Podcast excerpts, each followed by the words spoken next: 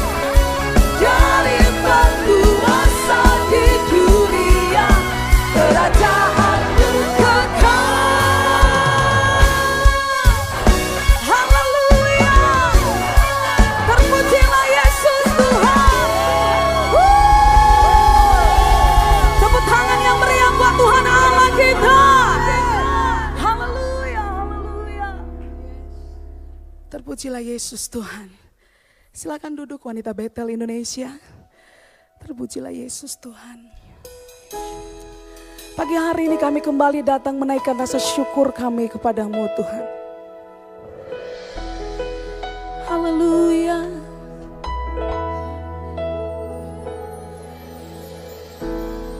Terima kasih Tuhan. Yesus kau kebenaran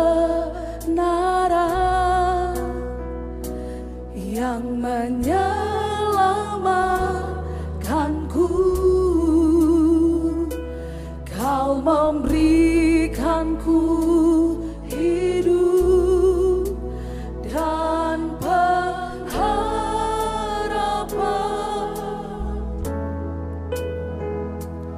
Ku ikut kehendakmu. Ku perlu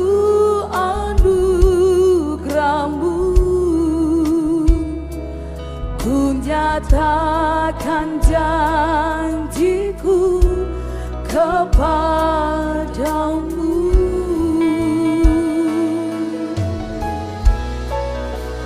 Kalau ku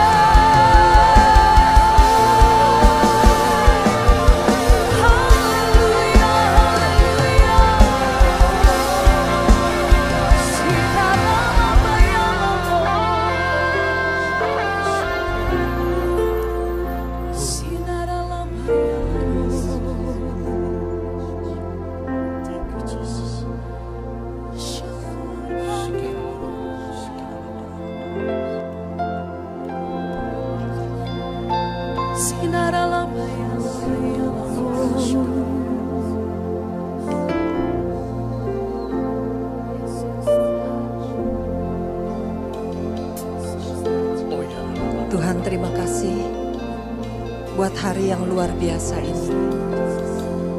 Kalau kami masih bisa beribadah, kami tahu semua karena kasih karunia daripada Tuhan. Saat ini kami mohon kemurahan-Mu Tuhan.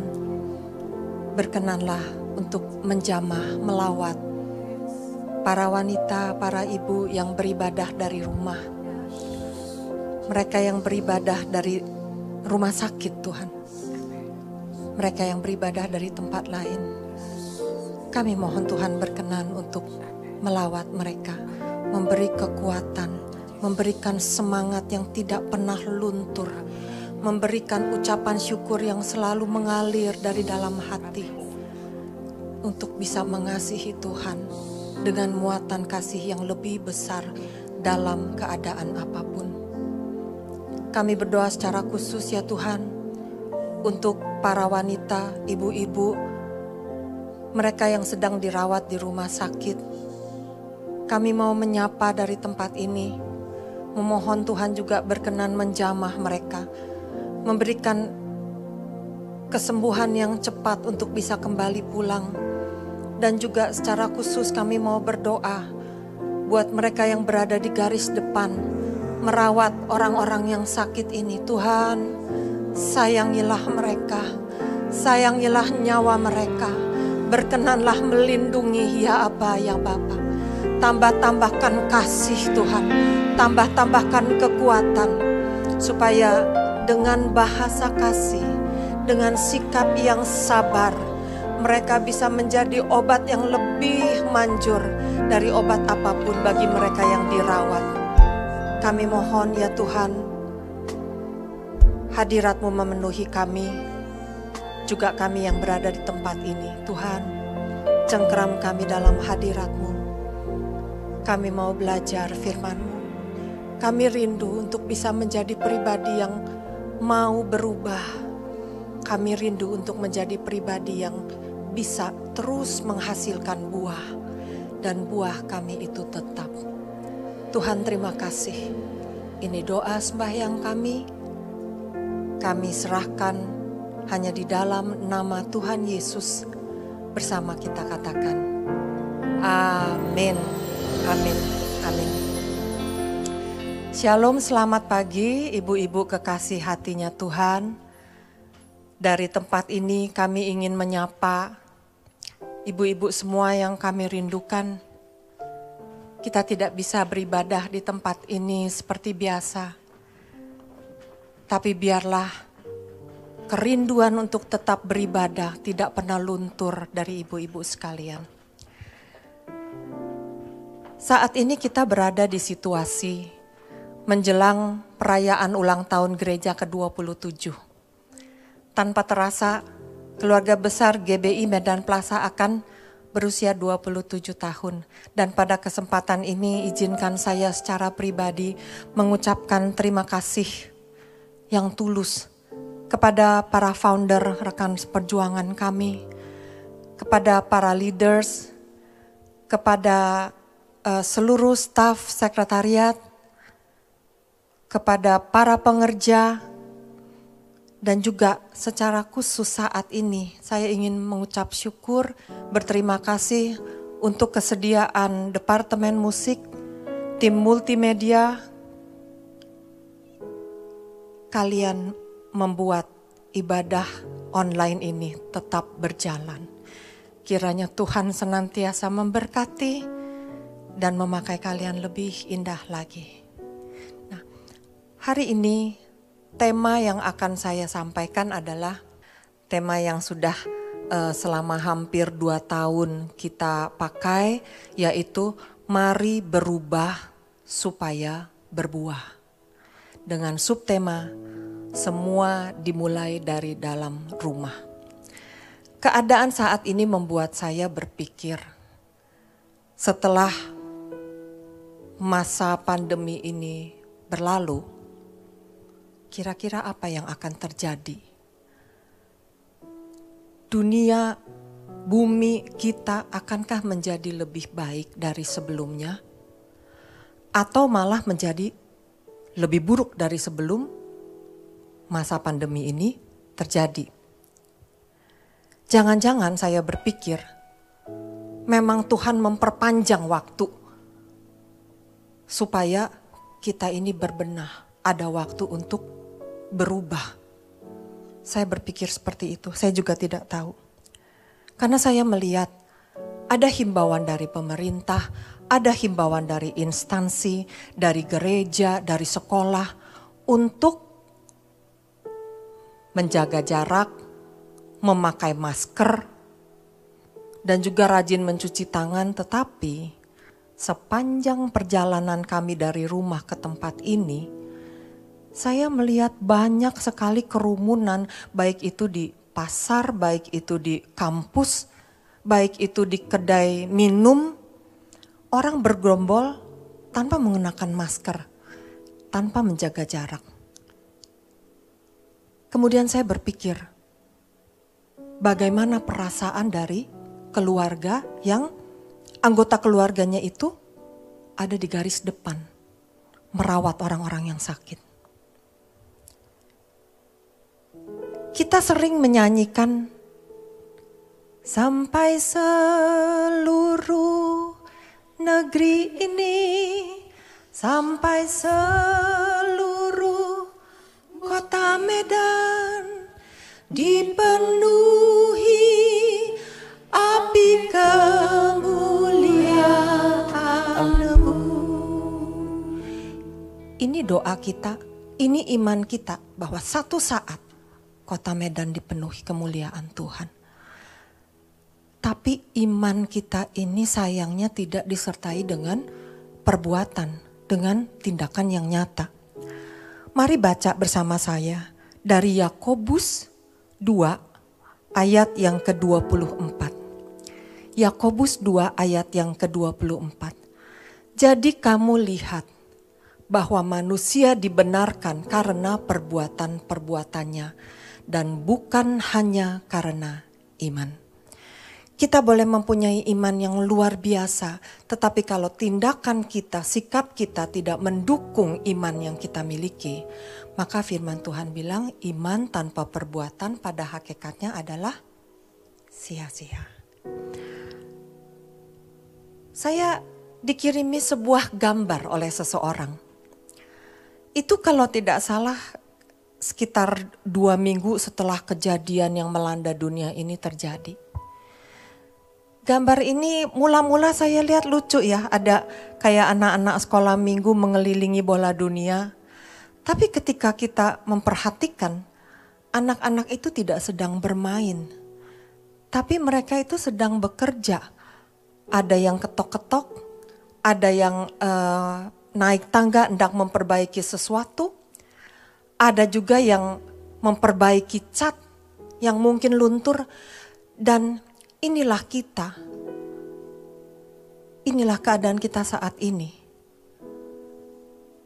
Dunia, bola dunia itu adalah rumah kita. Dalam lingkup yang lebih kecil, kota Medan itu rumah kita. Lingkup yang lebih kecil lagi, gereja ini rumah kita. Dan dalam lingkup yang paling kecil, rumah kita pribadi. Saat ini sedang direnovasi, direstorasi oleh Tuhan. Apa arti rumah? Apa fungsi rumah? Rumah adalah tempat kita pulang. Kita bisa pergi ke mana-mana tapi kita akan pulang ke rumah kita. Rumah tempat kita belajar dan mengajar anak-anak. Rumah tempat kita menerapkan begitu banyak peraturan didikan. Alkitab mencatat ada banyak rumah kemah yang ditulis di dalam Alkitab. Kalau kita baca dari awal sampai akhir, itu akan ada banyak kisah tentang apa yang terjadi di kemah Abraham misalnya, di rumah Potifar, di kemah kemah siapa lagi? Ada juga di rumah Ayub. Ada begitu banyak kisah yang keluar dari rumah-rumah yang ada di dalam Alkitab ini. Saya tertarik akan keberadaan satu rumah yang dari rumah ini keluar kisah yang luar biasa, mendunia, terdengar di jagat raya sampai heboh. Sampai-sampai ada seorang ratu bersedia datang dari negeri yang jauh hanya untuk membuktikan apakah kisah yang terdengar dari luar itu adalah kisah yang benar adanya atau hoax belaka. Mengapa dari rumah ini terdengar cerita yang begitu luar biasa? Rumah siapakah ini? Mari baca bersama saya dari 2 Tawari 9 ayat yang pertama sampai keempat. Saya akan bacakan. 2 Tawari 9 ayat pertama sampai 4. Ketika Ratu Negeri Sheba mendengar kabar tentang Salomo, maka dengan pasukan pengiring yang sangat besar dan dengan unta-unta yang membawa rempah-rempah, banyak emas dan batu permata yang mahal-mahal, datanglah ia ke Yerusalem hendak menguji Salomo dengan teka-teki.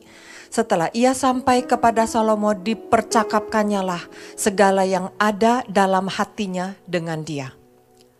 Lanjut, dan Salomo menjawab segala pertanyaan ratu itu bagi Salomo tidak ada yang tersembunyi yang tidak dapat dijawabnya untuk ratu itu.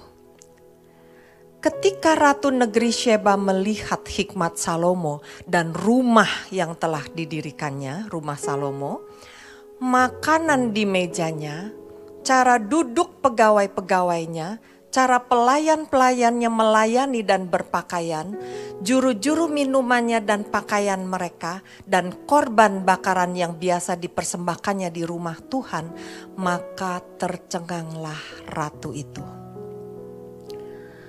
Mengapa rumah ini begitu menarik bagi saya?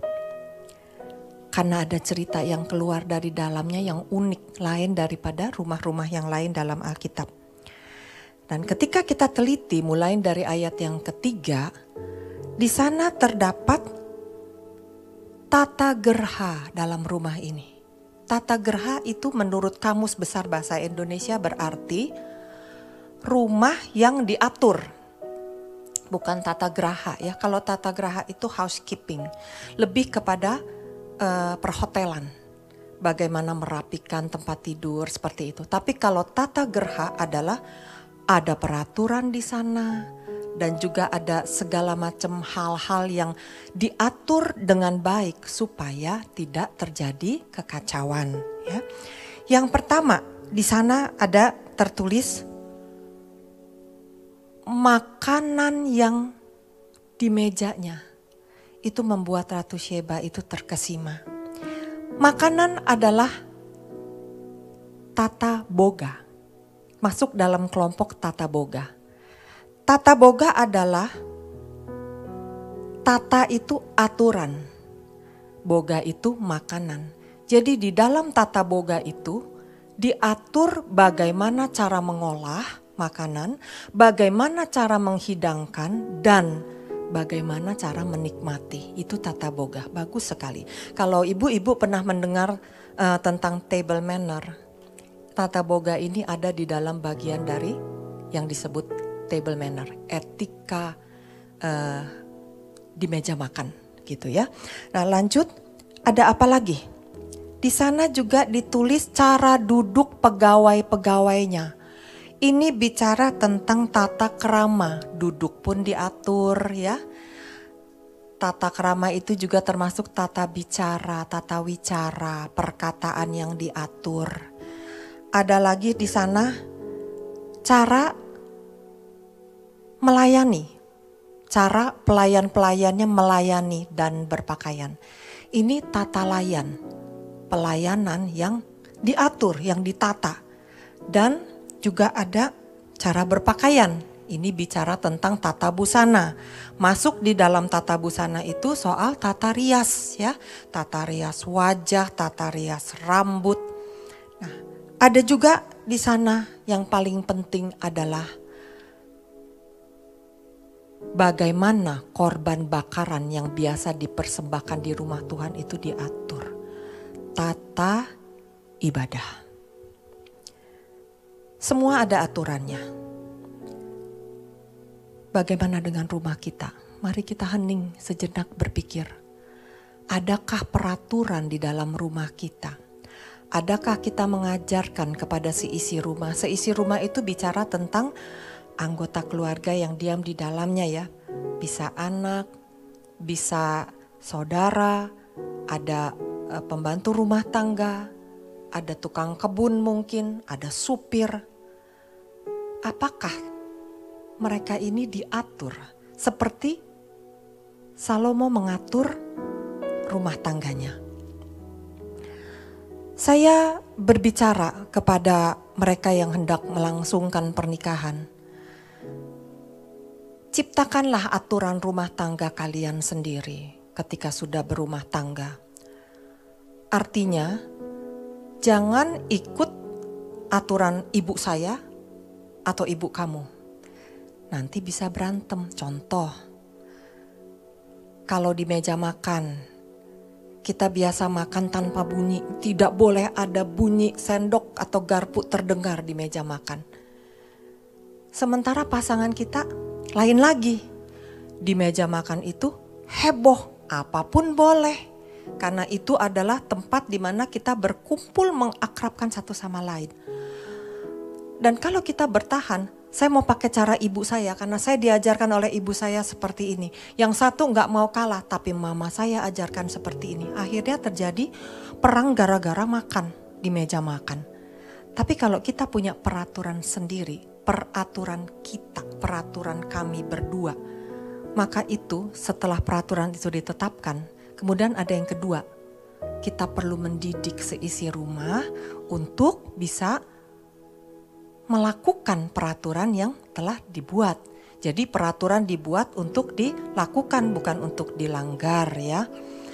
Dan saya pada tahun 2011 itu bersama suami memulai sebuah kelas sederhana di Medan Plaza lantai 6 almarhum di mana muridnya adalah seluruh full time staff. Kami rindu untuk memulai kelas ini dengan cara yang sangat sederhana, bukan yang susah-susah. Apa yang kami bagikan adalah warisan dari orang tua kami yang diwariskan kepada kami dan kami ingin mewariskan kembali itu kepada next generation supaya nilai-nilai hidup itu ada di dalam kehidupan kita. Saya membuat singkatan pada waktu itu bahwa di setiap rumah itu perlu ada PDP. Jadi itu tahun berapa? 2011. Bukan artinya pasien dalam pantauan ya, tapi pada tahun itu PDP itu singkatan untuk saya ingat-ingat P yang pertama itu berarti peraturan. Dalam setiap rumah perlu ada peraturan. Setelah menentukan peraturan ini, peraturan di meja makan, peraturan kalau mau pergi sekolah, pamit dan segalanya, kita perlu mendidik. Jadi perlu ada didikan. Kalau tidak, anak-anak tidak akan menganggap itu ada kepentingan dengan peraturan yang dibuat. Kita bingung-bingung kan, orang yang sama di Indonesia dan di luar negeri kok bisa beda. Di sini susah sekali suruh ngantri. Di sana sini gampang, di luar negeri orangnya sama. Di Indonesia buang sampahnya sembarangan. Begitu pindah ke luar negeri, dia bisa tertib. Kenapa? Karena ada peraturan yang ditegakkan dan ada didikan. Didikan ini kadang terkait dengan hukum. Didenda ya. Itu pun kita perlu lakukan. Dan yang ketiga, P yang kedua, PDP, P yang ketiga, eh, P yang kedua maksud saya adalah panutan. Orang tua perlu menjadi panutan bagi anak-anaknya, panutan bagi seisi rumahnya, sehingga anak tidak bingung kalau kita ajarkan tentang kejujuran, kalau kita ajarkan tidak boleh berbohong, tapi kemudian kita sendiri suruh anak, tolong bilang itu tamu, papa nggak ada, mama nggak ada Anak jadi bingung. Akhirnya dia bilang, Pak, Om, kata papa, papa nggak ada. Anak jadi bingung. Nanti bisa tanya, kok mama boleh berdusta? Kok papa boleh berdusta? Saya kok tidak boleh.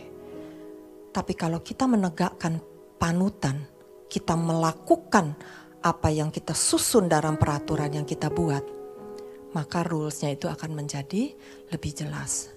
Dan semua itu dimulai dari dalam rumah. Disiplin diajarkan dari dalam rumah sejak anak masih kecil. Kejujuran diajarkan dari dalam rumah sejak anak masih kecil. Kita ajar mereka untuk bisa memeda, membedakan mana milik kita, malah milik kakak, yang mana milik adik. Ketika anak menginginkan sesuatu yang bukan miliknya, kita perlu mengingatkan, itu punya kakak. Kalau kamu mau, minta izin dulu, minta dulu, jangan ambil karena itu milik kakak. Saya memiliki orang tua yang mewariskan nilai-nilai kehidupan yang sangat saya syukuri sampai hari ini. Bagaimana mereka walaupun dari keluarga kami ini keluarga yang menurut ibu saya itu keluarga yang pas-pasan ya, pas untuk makan, pas untuk bayar uang sekolah satu bulan, pas untuk bayar listrik, pas untuk bayar air. Ketika terjadi permintaan dari sekolah untuk membayar dua bulan dalam sekaligus, di situlah terjadi ketidakpasan. Karena yaitu tadi kami bukan dari keluarga yang berkelimpahan, tapi pas. Namun sekalipun orang tua kami ini bukan orang dari rohaniwan ya, tetapi mereka mendidik kami untuk hidup jujur, untuk tidak mengambil apa yang bukan milik kami, sehingga ketika kami dewasa, kami bekerja. Saya bekerja di sebuah uh, kantor di mana bos saya, saya sekretaris ya, bos saya itu punya begitu banyak perusahaan dan saya dipercayakan untuk memegang keuangan pribadinya yang jumlahnya besar sekali. Dan kalau saya ambil beberapa lembar saja itu nggak akan ketahuan. Tapi terus terang sedikit pun keinginan untuk ngambil itu tidak ada sekalipun saya butuh. Alasannya kenapa? Gak usah susah-susah. Bukan karena nanti ayat ini digenapi, nanti ayat yang menakutkan ini digenapi. Tapi alasannya satu, sederhana saja karena itu bukan saya punya. Itu saja. Dan ternyata ketika saya mulai membaca firman Tuhan dari depan sampai belakang, saya menemukan apa yang diajarkan oleh orang tua saya. Sebenarnya itu adalah hukum Taurat yang ke-10. Jangan mengingini milik sesamamu manusia. Jadi didikan itu mengunci kami untuk tidak mengambil yang bukan milik kami untuk tidak mengambil yang menjadi miliknya kantor kerja kami, untuk tidak mencuri yang menjadi kepunyaan gereja, untuk tidak mengambil apa yang menjadi miliknya masyarakat. Ibu-ibu, penting sekali untuk mengajarkan kejujuran dari dalam rumah. Kepedulian kepada sesama juga diajarkan dari dalam rumah. Siapa yang susah kita bantu. Tidak usah pilih-pilih. Oh, ini wajib dibantu oh yang ini tidak. Kepedulian itu pasti orang semuanya punya kebutuhan ya. Ada yang kebutuhannya itu tentang kasih, ada yang kebutuhannya tentang materi, tentang ucapan yang memberi semangat, kata-kata yang mendorong kita untuk menjadi lebih semangat lagi. Kita perlu mengajarkan anak-anak untuk peduli satu sama lain kami memulai pelayanan Pelmas di gereja ini dengan cara yang sangat-sangat sederhana. Pada waktu itu 27 tahun yang lalu, uh, suami beserta saya itu uh, memulai pelayanan ini dengan satu karung beras ukuran 20 kilo yang kami beli dari persembahan bulanan yang jumlahnya jauh lebih kecil dibandingkan dengan pada waktu kami kerja di sekuler.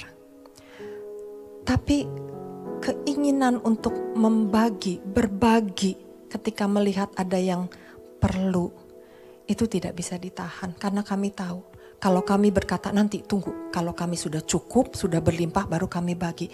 Percayalah ibu-ibu kita tidak akan pernah punya rasa cukup, lebih begitu. Yang kita bisa miliki adalah kalau kita puas dengan apa yang kita punya. Sekalipun itu kecil kita bisa berbagi. Saya tidak bisa lupa hal itu.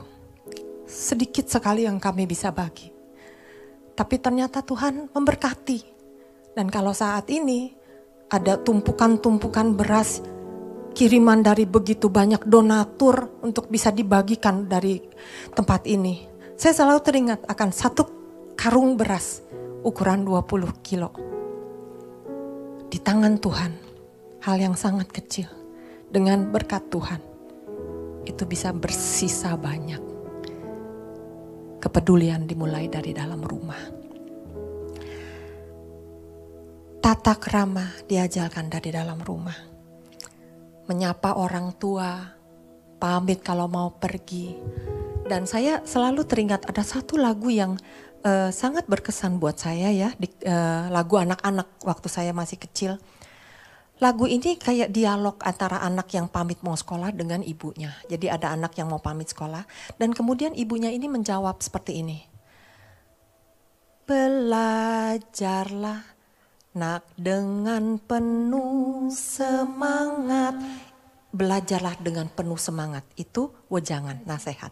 Rajinlah selalu tentu kau dapat. Itu kata-kata yang mendorong. Kalau kamu rajin, kamu pasti dapat. Tidak ada yang tidak bisa kalau kamu rajin. Hormati gurumu. Ini nasihat untuk menghormati guru-guru yang mengajar kita, mendidik kita. Sayangi teman. Anak-anak diajar untuk mengasihi sesama. Itulah tandanya kau murid budiman.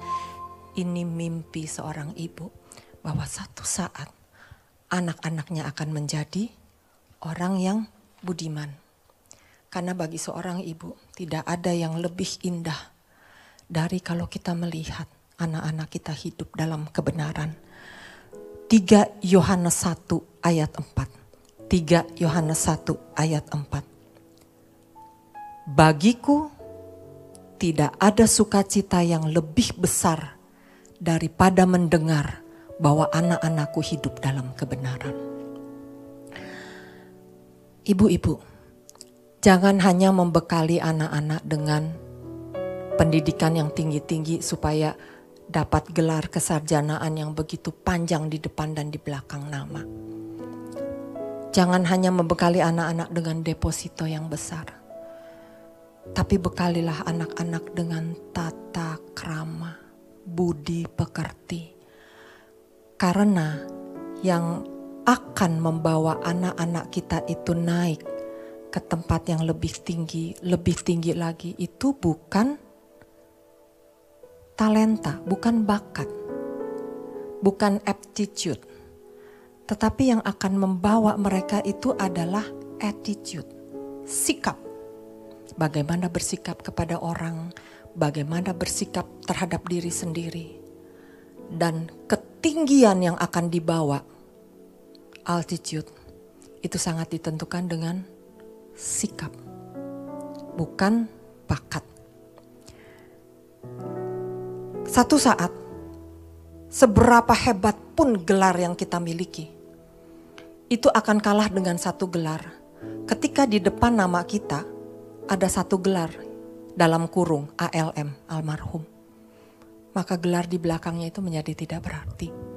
Tetapi kalau kita memiliki nilai-nilai hidup yang kita wariskan kepada anak-anak itu akan tinggal tetap sekalipun kita sudah tidak ada di dunia ini lagi. Kembali ke rumah Salomo, saya ingin bicara tentang tata boga ya.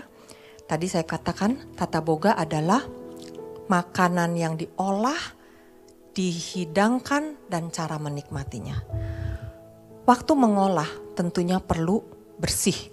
Waktu menghidangkan harus sesuai dengan tempatnya menghidangkan sup harus di tempat sup, di mangkok sup, jangan di teko air.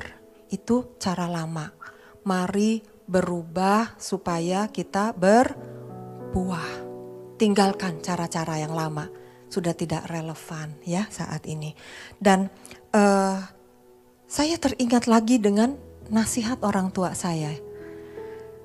Beliau berpesan, kalau kamu ke pesta ulang tahun, waktu makan tiba, ambil secukupnya. Jangan seperti orang yang tidak pernah makan, sekalipun mungkin kita tidak pernah makan makanan-makanan mewah itu ya. Dan jangan seperti orang kelaparan. Itu menancap di pikiran saya sampai hari ini ambil secukupnya, ambil yang rapih. Kalau itu presta prasmanan, lebih baik kita menghampiri dua tiga kali daripada ngambil sekali, udah nggak nggak mau antri ya berdesak-desakan, terus ambilnya itu setumpuk seperti gunung sinabung. Kita bingung kalau ada yang seperti itu kita nggak bisa lagi lihat orang ini mana daging rendangnya, mana nasinya, mana brokolinya karena semua sudah jadi satu seperti itu. Padahal kalau kita ke pesta kita melihat apa? Berkebaya yang cantik, pakai kain sarung yang cantik, tasnya besar. Padahal seharusnya kalau kita berbusana uh, kebaya dengan sarung tasnya itu clutch bag disebutnya ya. Tas yang hanya segenggaman tangan, isinya juga sedikit. Paling kita cuma bisa isi lipstick, handphone pun kadang tidak muat ya. Uang juga harus ditaruh di amplop. Nah ketika saya bicara ini dengan seorang ibu, ibu ini berkata, Bu, kalau clutch bag tidak bisa bawa kantong. Tasnya besar itu untuk sedia kantong plastik bawa makanan dari tempat pesta. Rupanya ada peraturan seperti itu di sini. Ibu, mari berubah supaya kita berbuah. Hormatilah diri sendiri supaya orang lain itu bisa menghormati kita. Kalau makan, kalau pergi ke tempat pesta itu bukan untuk makan sampai kenyang. Bukankah kita datang itu untuk memberi doa restu? Yang saya kaget itu ada ayatnya. Mari buka bersama saya ulangan 23 ayat yang ke-24. Ulangan 23 ayat 24. Apabila engkau melalui kebun anggur sesamamu, engkau boleh makan buah anggur sepuas-puas hatimu. Tetapi tidak boleh kau masukkan ke dalam bungkusanmu. Waktu saya jumpa ayat ini, saya ganti sendiri ya apabila engkau pergi ke tempat pesta sesamamu, engkau boleh makan hidangan yang dihidangkan sepuas-puas hatimu, tetapi tidak boleh kau masukkan ke dalam kantong plastikmu. Ngeri, ayatnya ada ribuan tahun yang lalu. Satu ayat lagi, Yudas 1 ayat 12a. Apa yang dikatakan firman Tuhan tentang hal ini? Mereka inilah noda dalam perjamuan kasihmu, di mana mereka tidak malu-malu melahap dan hanya mementingkan dirinya sendiri. Padahal masih ada orang lain yang mau makan. Kalau kita ambil sendiri, yang lain tidak kebagian. Kalau kita masukkan ke dalam plastik, masukkan ke dalam tas itu, maka sebenarnya jatah orang yang kita sedang ambil sangat tidak nyaman dipandang mata. Rasa cukup diajarkan dari dalam rumah. Lanjut, tata layan milikilah sikap sedia membantu, sedia melayani satu sama lain dan itu dimulai dari dalam rumah.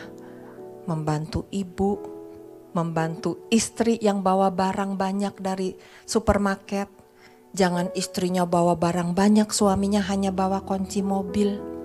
Biasakan itu dari dalam rumah. Diajarkan ya. Ajarkan juga buang sampah jangan sembarangan, cuci piring yang bersih, ada tata layan. Kalau lihat sampah, biarpun itu bukan sampah kita, ayo kita jaga. Kita melayani satu sama lain, ambil, buang. Bukankah tangan yang kotor bisa dicuci?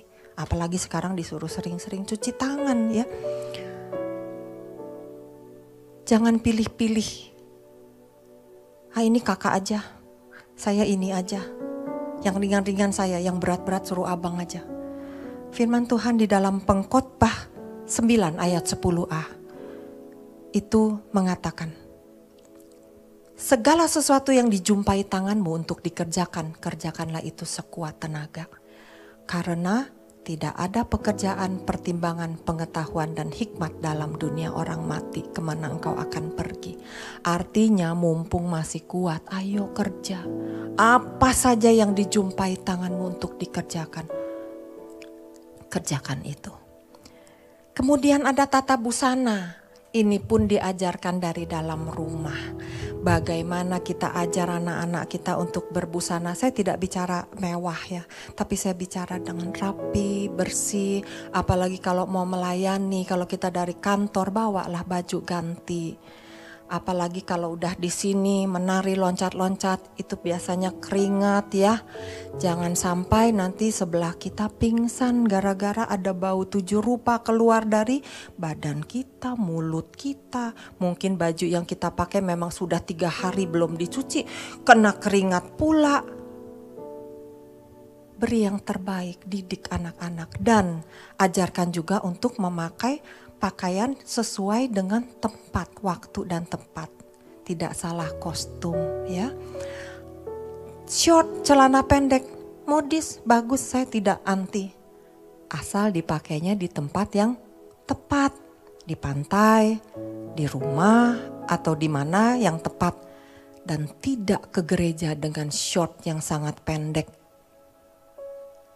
Kenapa? Itulah tanda penghormatan kita kepada Tuhan. Kita perlu belajar dari saudara-saudara kita yang beribadah di masjid dan di pura. Mereka pakai baju panjang atau diberi sarung panjang, karena ini pun diatur dalam Alkitab. Jangan sampai nampak auratmu. Kita perlu ajar anak-anak, dan kita perlu menjadi panutan kalau kita mengajar anak, tapi kita jemput anak ke sekolah dengan baju yang I can see, you can see, everybody can see. Anak jadi bingung, bahkan ada yang sembunyi kalau mamanya datang karena dia malu. Mamanya tidak berpakaian sesuai dengan yang kepala sekolah ajarkan. Pakaian kita menunjukkan rasa hormat kita kepada orang yang kepadanya kita pergi kami dibuat terkejut ketika di rumah duka, ketika salah seorang pengerja itu orang tuanya berpulang. Di rumah duka ada yang hadir dengan short yang begitu pendek. Mari kita terapkan peraturan dari dalam rumah supaya ketika anak-anak kita keluar dari empat tembok rumah, mereka boleh menjadi anak-anak yang membuat orang lain nyaman berhubungan dengan mereka. Ya. Demikian juga dengan tata ibadah, korban yang dipersembahkan. Persiapkanlah ibadah dengan sungguh. Persembahan yang kita siapkan dari rumah jangan digulung-gulung sampai kecil. Susah itu ya dan juga nggak rapi. Lipat, sekalipun uang itu bukan uang yang uh, lurus dari bank ya, tapi kalau kita lipat dengan rapi, Itulah bentuk penghormatan kita karena persembahan artinya adalah pengakuan bahwa segala sesuatu yang kita punya, yang kita pakai, kesehatan, pemeliharaan itu semua dari Tuhan. Dan kita bersyukur dengan membawa persembahan kepada Tuhan. Ibu-ibu mari kita periksa.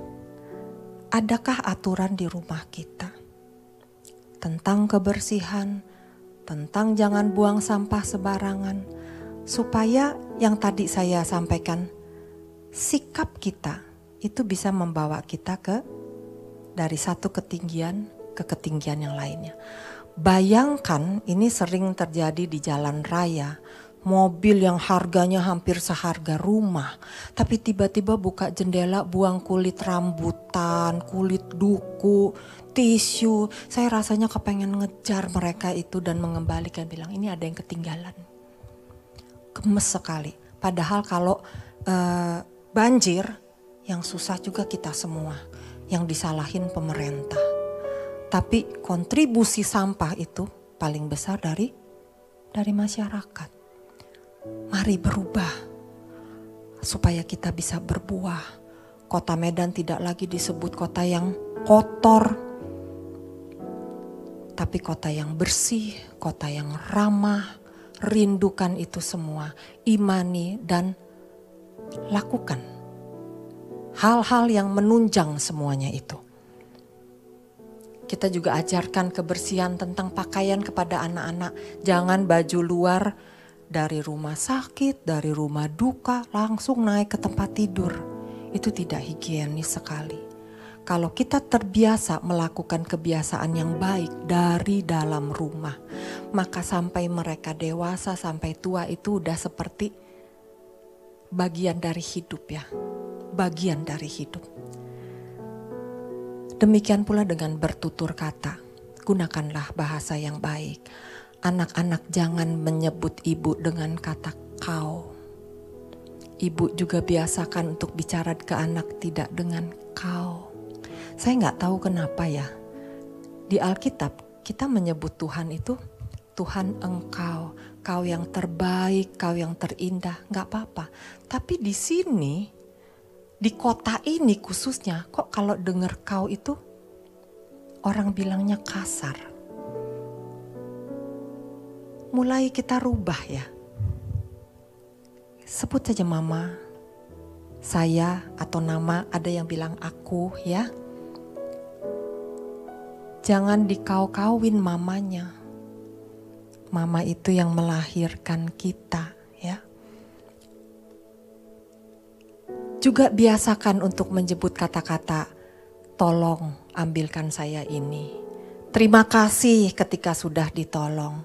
Maafkan saya kalau lakukan kesalahan. Ada seseorang bertanya kepada saya, Bu, mulainya dari mana? Saya juga bingung ditanya seperti itu ya. Ya mulai aja dari diri sendiri. Mulai dari ada apa yang ada di rumah kita ya. Siapa yang ada? Ada suami, ada istri, ada anak, ada tim sukses, tim sukses itu maksudnya pembantu, supir dan lain-lain. Mulai kalau mereka sudah menyediakan makanan, terima kasih Mbak. Mama memasakkan bagi kita. Thank you, Mom. Papa mengantar ke sekolah. Terima kasih, Pak. Itu bukan tiba-tiba aja ya. Kalau kita mau jumpa orang baru diajarin Senyum-senyum kalau ketemu orang ini senyum. Kalau ketemu Pak Edi, Pak Bambang senyum. Diajarkannya tiba-tiba anak jadi bingung.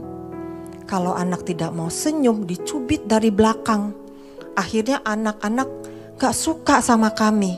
Karena dia lihat setiap kali jumpa opung ini aku dicubit sama mama.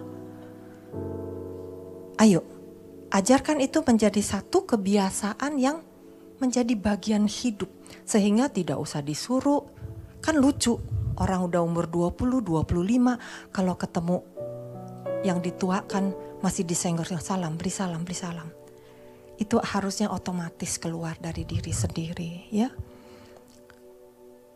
Dalam satu hari, di dalam rumah ada banyak kesempatan untuk kita bisa gunakan ketiga kata ini. Tolong, terima kasih, maafkan saya. Jadikan ini bagian dari tata bahasa kita sehari-hari. Tinggalkan cara-cara yang lama. Cerita apa yang kita ingin orang dengar dari rumah kita? Cerita yang baguskah? Atau cerita yang membuat orang mencibir? Itu tergantung dari kita. Bersediakah kita direnovasi, direstorasi oleh Tuhan di masa-masa berdiam diri dalam rumah ini? Bersediakah? Saya pun berpikir, kalau di dalam masa restorasi, renovasi ini kita menolak untuk Tuhan lakukan itu kepada kita. Masa yang sudah sangat sukar ini bisa akan menjadi lebih sukar lagi ketika pandemi ini berlalu. Tentunya kita berhadap keadaan akan membaik. Dan kita sangat berperan untuk memenuhi mimpi kita ini untuk suatu keadaan yang lebih baik, untuk kota Medan yang lebih baik, untuk Sumatera Utara yang lebih baik. Ibu-ibu, marilah berubah supaya kita bisa berbuah supaya kita bisa diteladani, supaya kita bisa menjadi berkat bagi seisi rumah, seisi gereja, seisi kota, dan skup yang lebih besar lagi dan semuanya itu perlu kita mulai dari dalam rumah. Kalau kita sudah terbentuk salah, orang tua kita tidak pernah mengajarkan etika, nilai-nilai hidup. Kalau kita sudah terbentuk salah, jangan putus asa. Firman Tuhan dalam Yeremia 18 itu menulis kisah tentang bagaimana hidup kita di tangan Tuhan itu seperti penjunan dan tanah liat. Kalau seorang penjunan melihat hasil karyanya itu rusak, dia akan menjunan kembali. Dan itu akan menjadi produk yang lebih indah, lebih cantik dari sebelumnya. Asal kita mau dibentuk. Dan Tuhan adalah penjunan kita. Sampai satu saat kita bertemu Tuhan muka demi muka. Kita ini akan terus dibentuk, dibentuk, dan dibentuk. Dan kalau kita bersedia untuk dibentuk, pada waktu kita berjumpa dengan Tuhan, satu kalimat yang kita nantikan, pasti kita dengar. Tuhan berkata, "Masuklah, hai hambaku yang baik dan setia." Siapa yang tidak mau mendengar kata itu keluar dari mulut Tuhan? Mari berubah supaya kita berbuah. Engkau penjunan ku tanam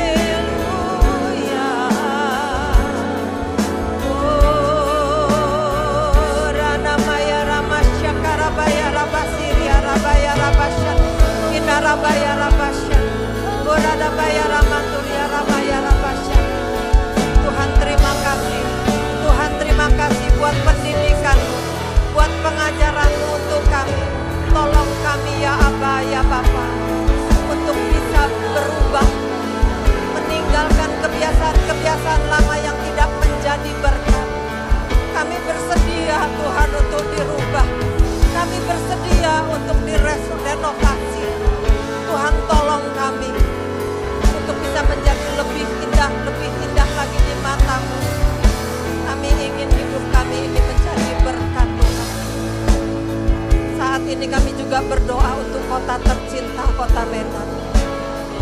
Tuhan Engkau yang mengetahui apa yang menjadi pergumulan pemerintah untuk kota ini. Kami berdoa Tuhan, munculkanlah kebenaran dari kota ini. Munculkan kebenaran-Mu ya Tuhan di kota ini. Dan biarlah ya Bapa, kota Medan boleh dipenuhi kemuliaan Tuhan. Indonesia boleh dipenuhi kemuliaan Tuhan. Menjadi bangsa dengan derajat yang tinggi. Supaya kami bisa disejajarkan dengan negara-negara lain Tuhan. Kami juga berdoa untuk pemerintah, untuk presiden, wakil presiden, untuk MPR, DPR, TNI, Polri, instansi-instansi terkait. Tuhan berikanlah takut akan Tuhan ada pada mereka untuk bisa menjadi panutan bagi setiap masyarakat yang mereka layani. Kami juga mau berterima kasih untuk para pemimpin di tempat ini, untuk keluarga kami yang ada di Jakarta, Bapak Pendeta Niko Nyoto Harjo, Raharjo dengan seluruh tim penggembalaan. Kami juga mau berdoa untuk para pemimpin yang ada di tempat ini. Untuk Pak Edi Prajitno, keluarganya yang kami kasihi, empat wakil gembala. Kami mengucap syukur ya Tuhan untuk keberadaan wadah ini, keluarga besar GBI Medan Plaza. Kalau kami akan memasuki usia ke-27 beberapa hari lagi, Tuhan, berkenanlah untuk melanjutkan berjalan bersama kami, supaya kami tidak menyimpang ke kanan atau ke kiri. Tapi kami boleh terus dibentuk menjadi semakin indah, menjadi kesukaan bagi Tuhan kesukaan bagi sesama.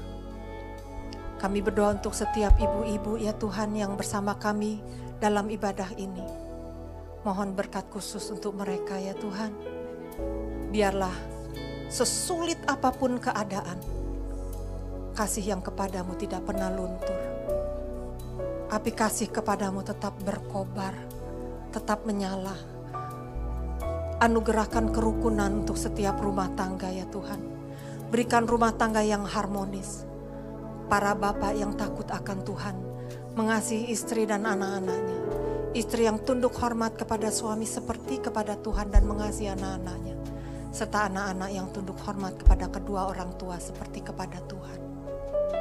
Kiranya berkatmu tercurah atas setiap rumah tangga, atas setiap pribadi yang beribadah bersama-sama dengan kami kaum wanita Betel Indonesia di tempat ini. Terima kasih ya Tuhan, Engkau baik buat kami.